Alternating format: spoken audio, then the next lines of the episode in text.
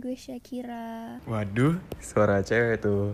Eh, tapi enggak deng. Eh, gimana ya? Jadi buat podcast perdana gue yang sendiri ini, gue sebenarnya nggak sendiri.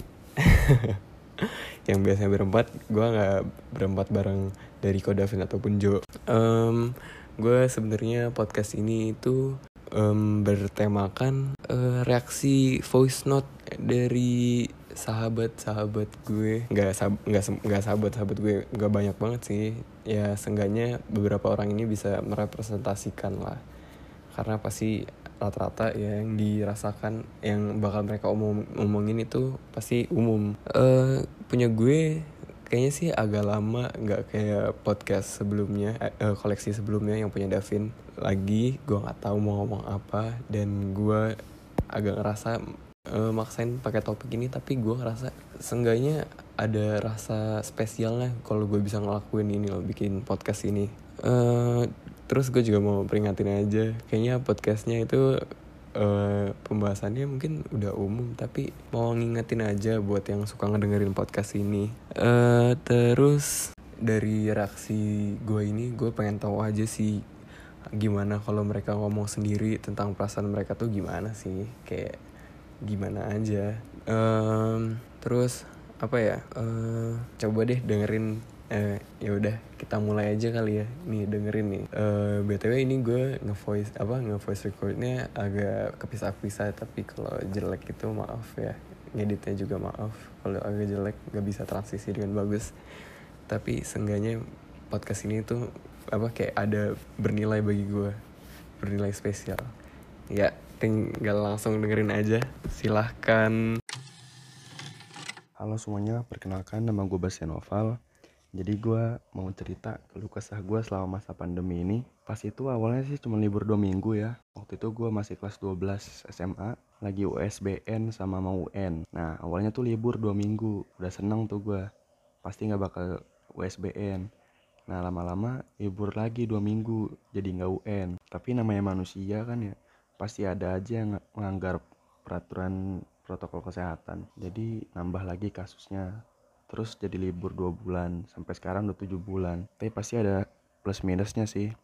Plusnya mung- mungkin bagi gue yang waktu itu anak SMA jadi nggak ada USBN dan UN terus poin plusnya bagi bumi mungkin jadi jarang polusi udara jadi jarang polusi suara dan lain-lain. Minusnya ya mungkin semua serba susah. Sekolah susah main susah orang tua kerja juga susah ibadah susah dan lain-lain. Seharusnya gue bisa ngerasain main terakhir sama teman-teman SMA gue ngerasain perpisahan dan graduasi sama teman-teman SMA gue tapi jadi nggak bisa. Terus selama masa pandemi ini pasti gue bosan banget lah apalagi buat gue tipe anak yang suka main. Main depan rumah aja main bola sama anak-anak perumahan jadi nggak bisa. Wah parah sih bosan banget. Kalau menurut gue sih Indonesia terlalu bertele-tele ya soal PSBB social distancing dan apalah itu. Mungkin dari awal kita udah nggak berani lockdown jadinya ya gini deh kasusnya nambah terus. Untuk sekarang sih ya udah nggak berlaku lockdown lockdownan lockdown lockdownan orang kasusnya udah 300 ribuan yang terakhir gue lihat.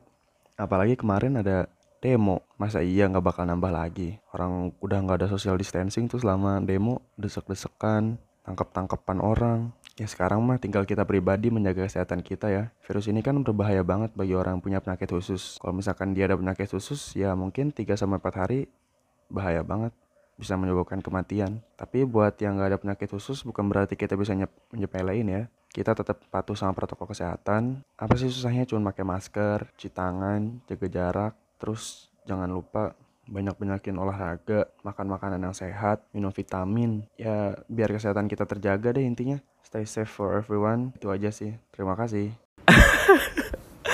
Anjir Ini punya temen gue nih Yang satu ini yang awal ini Bastian ini Udah kayak iklan aja nih Memperingati Apa memberitahu kita Buat apa namanya Apa yang kita harus lakukan Pas lagi corona gini ya. Eh Tapi sih Yang dari suara Atau suara dan intonasinya nih Kayaknya dia sebenarnya tuh Sangat sedih gitu ya.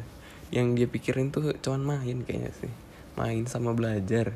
Ya tapi seenggaknya belajar sih bener. Nggak kayak gue aduh eh enggak deh. Ya lanjut aja kali ya. Selanjutnya ini nih. Podcast ini ada dua orang nih. Tapi ini beda nggak sendiri nggak nge-record sendiri soalnya ini orang dua ini kagak bisa nge-record sendiri gaptek apa ya? Dan apa namanya? Eh di interview ini jatuhnya kayak interview nih yang satu yang satu ini nih.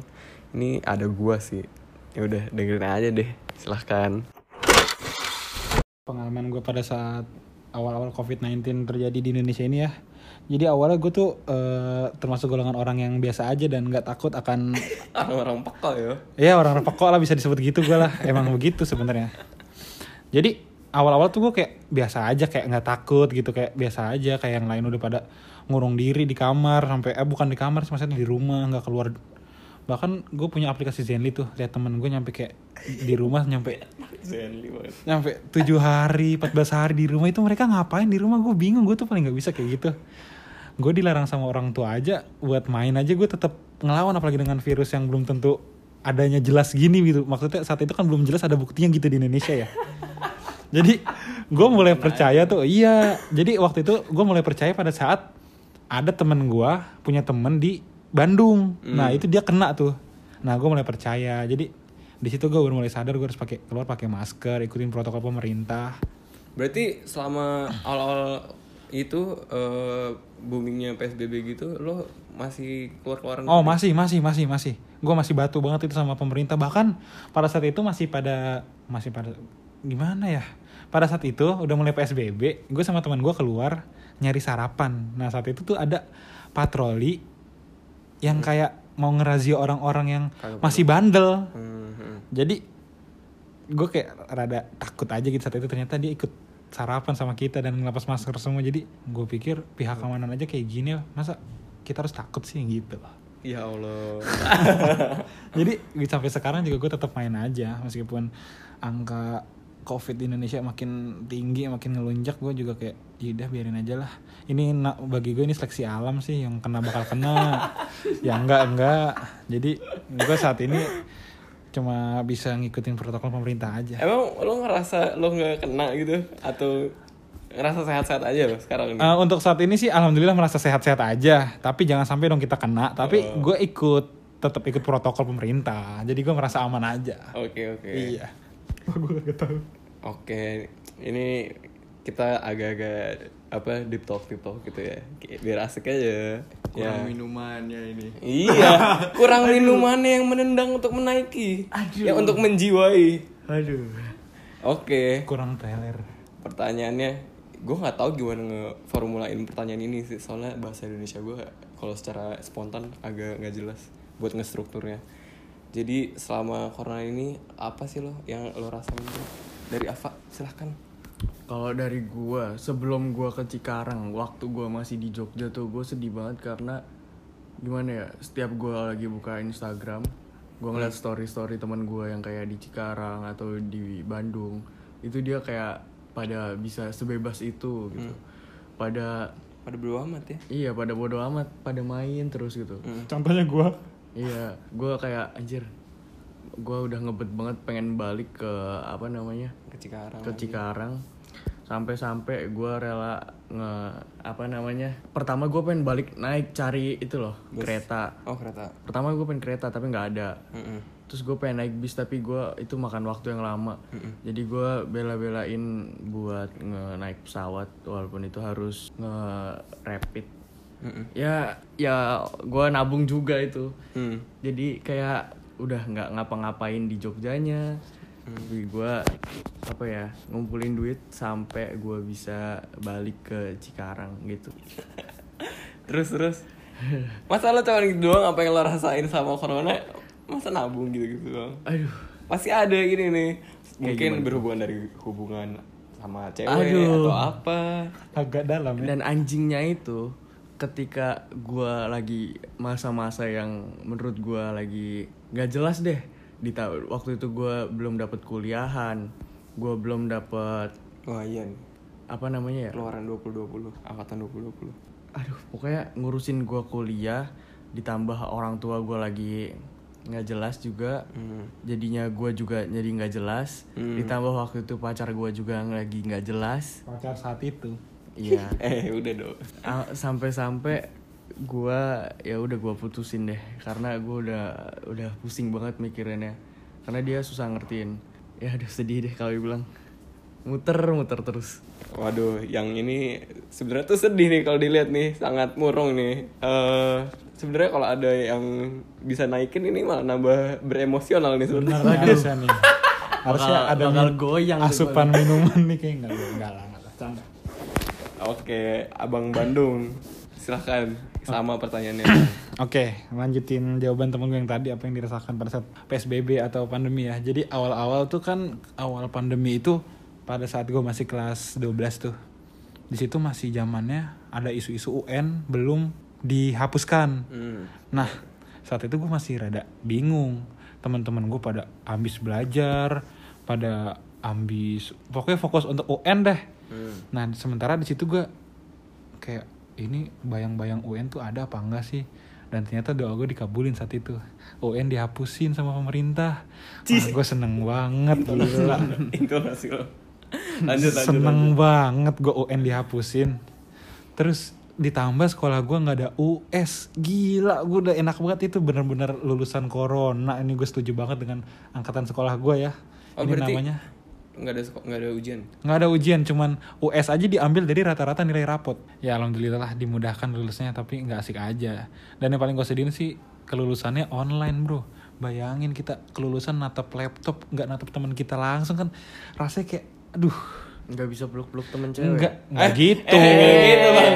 Oh, bukan nggak gitu, gitu, Bang. nggak gitu, Oh, iya, iya. nggak gitu maksud saya. konteksnya maksud gue bukan, maksud gue tuh di sini tuh kita nggak bisa ketemu langsung, tos-tosan langsung, kayak terakhir kali buat kayak ketemu, weh lu gila lu, keren banget lu pakai baju gitu, biasa juga pakai baju apaan, baju dilepasin, eh, baju dicopotin, nggak dikadalemin, ayo gitu kan. Eh, iya, iya. Nah terus ya akhirnya gue berusaha nerima aja deh kalau emang harus berpisah dengan cara gitu kan kayak nggak asik banget ya.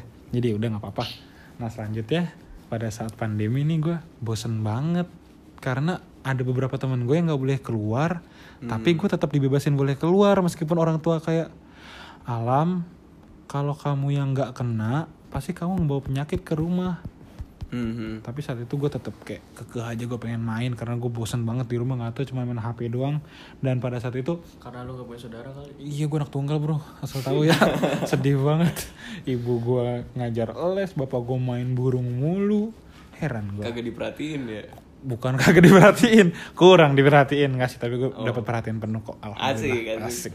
nah mulai tuh. Gue dapat kuliah udah jelas. Gue tes sana sini akhirnya gue dapet telkom. Gue udah mulai dapet temen. Pokoknya temen teman-teman baru banyak juga. Eh, tapi ya ada juga beberapa temen yang nggak disukain ya di kuliah baru meskipun baru ketemu di grup juga kayak rasanya freak banget tuh orang kayak nggak suka Waduh, waduh.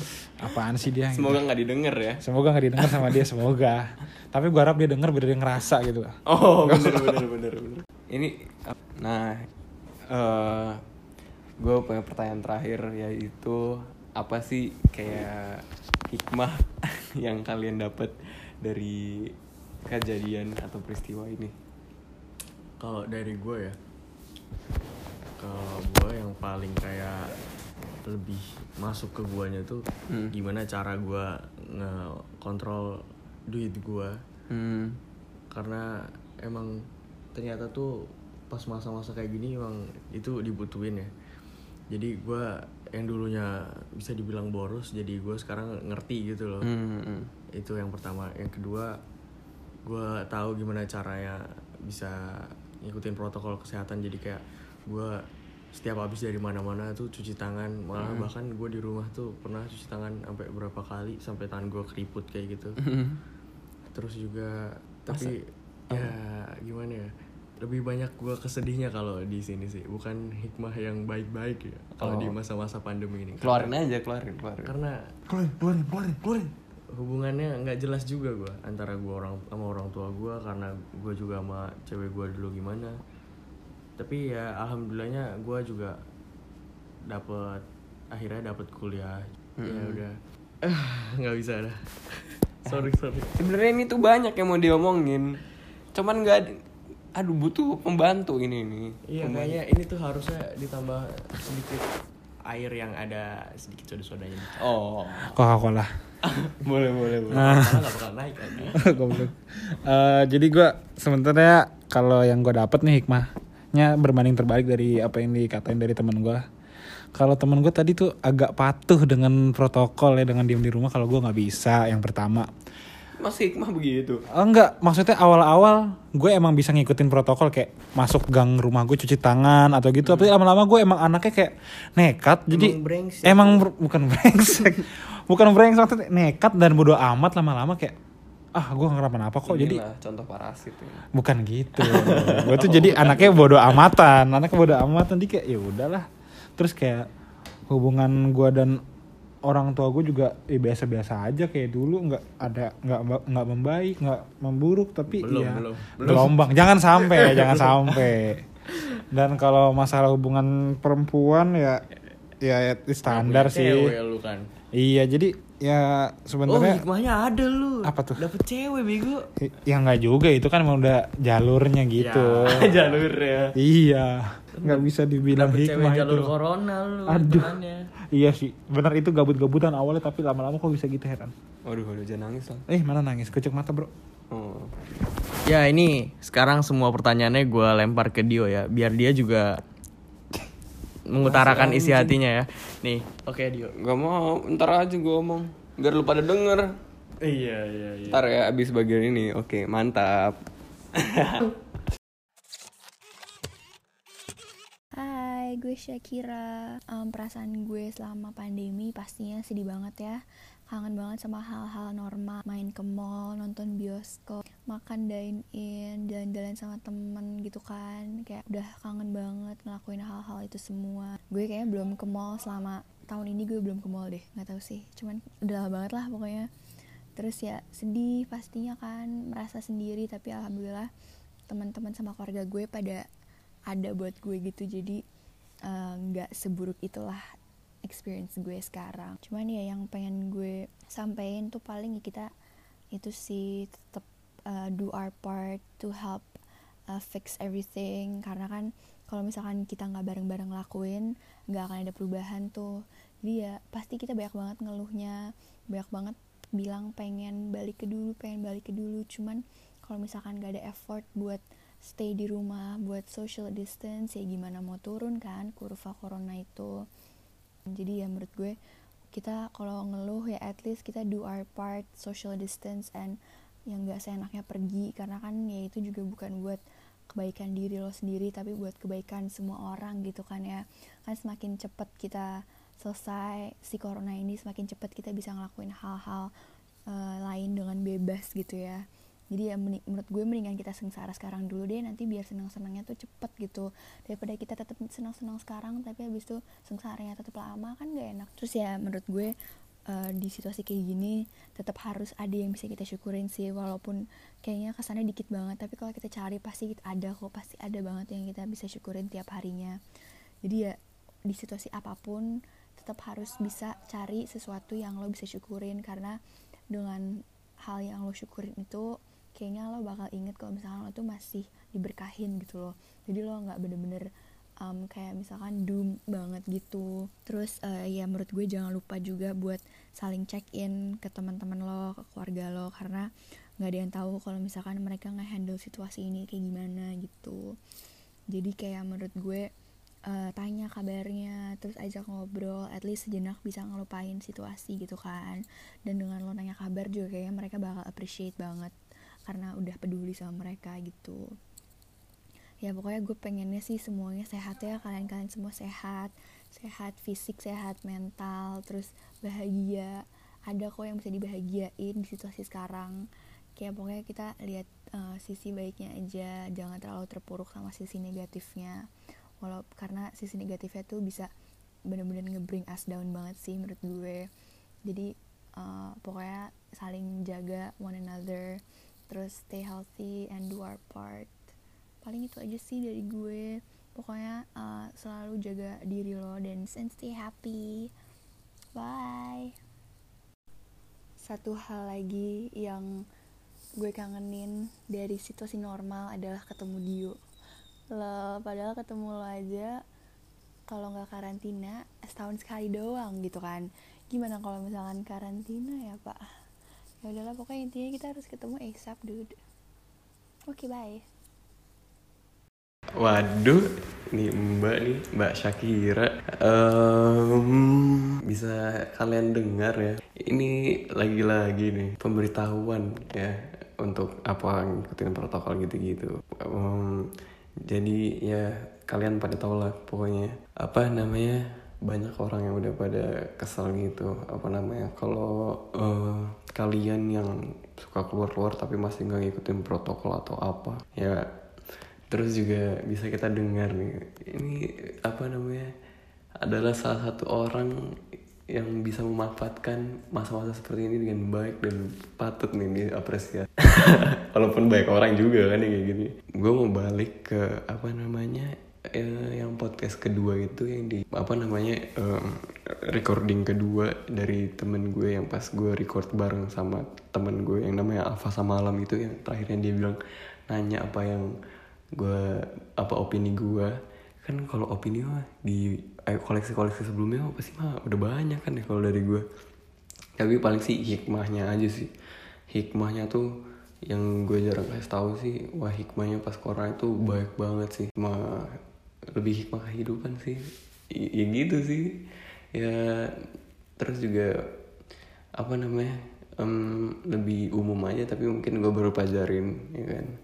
Kayak contohnya kayak tahu lingkungan aja sih kalau topik besarnya gitu loh. Nah dari lingkungan itu tuh apa namanya bisa berdampak besar banget sih. Gue baru ngerasa itu oh ya satu ini jangan munafik sih. Satu ini nih hikmah yang paling gue apa namanya paling kena sama gue tuh jadi orang jangan munafik sumpah sama orang lain. Karena apa ya? Eh gue ngomong gini sih ya pasti gue juga pernah jadi orang kayak munafik gitu ke hadap terhadap suatu hal. Tapi ya apa sih? Jadi orang mah jangan munafik ke orang terus diumbar-umbarin gitu ke contohnya ke sosial media atau apa itu kayak aduh gila apaan banget sih? Kayak nggak bisa megang banget eh, omongan lo gitu lah. Pokoknya ini satu hikmah yang gue pelajarin banget sih. Gue mencoba banget untuk bisa seperti itu bisa nggak apa namanya bisa nggak jadi orang yang terlalu munafik. Dan juga dan juga gue lagi mencoba banget untuk jadi orang yang bodoh amatan kepada suatu hal yang nggak penting banget seperti drama atau apa gitu. Dan untungnya eh, pas corona ini gue nggak terlalu nggak ada gitu gituan ya gue ngerasa gitu sih. Kayak biasa aja. Maaf ya kalau gue ngomong agak jijik. Tapi ya udah. Ya udah itu aja sih. Bagaimana menurut kalian kalau emang pasti ya, agak bosenin ya atau agak gak jelas gitu mungkin pembahasannya. Tapi ya sekali lagi gue ngerasa gue buat eh, podcast ini tuh kayak ada nilai yang sangat spesial gitu. Soalnya ya em, selain dari temen-temen deket gue yang ada di podcast Kolpri terus gue bisa ngajak sahabat gue dari luar podcast Kolpri buat ngebikin podcast di podcast Kolpri. Ya eh, udah kali ya segini aja podcastnya. Em, maaf ya gue nggak bikin pantun nggak kayak podcast podcast yang lain. Tapi apa makasih ya udah mau dengerin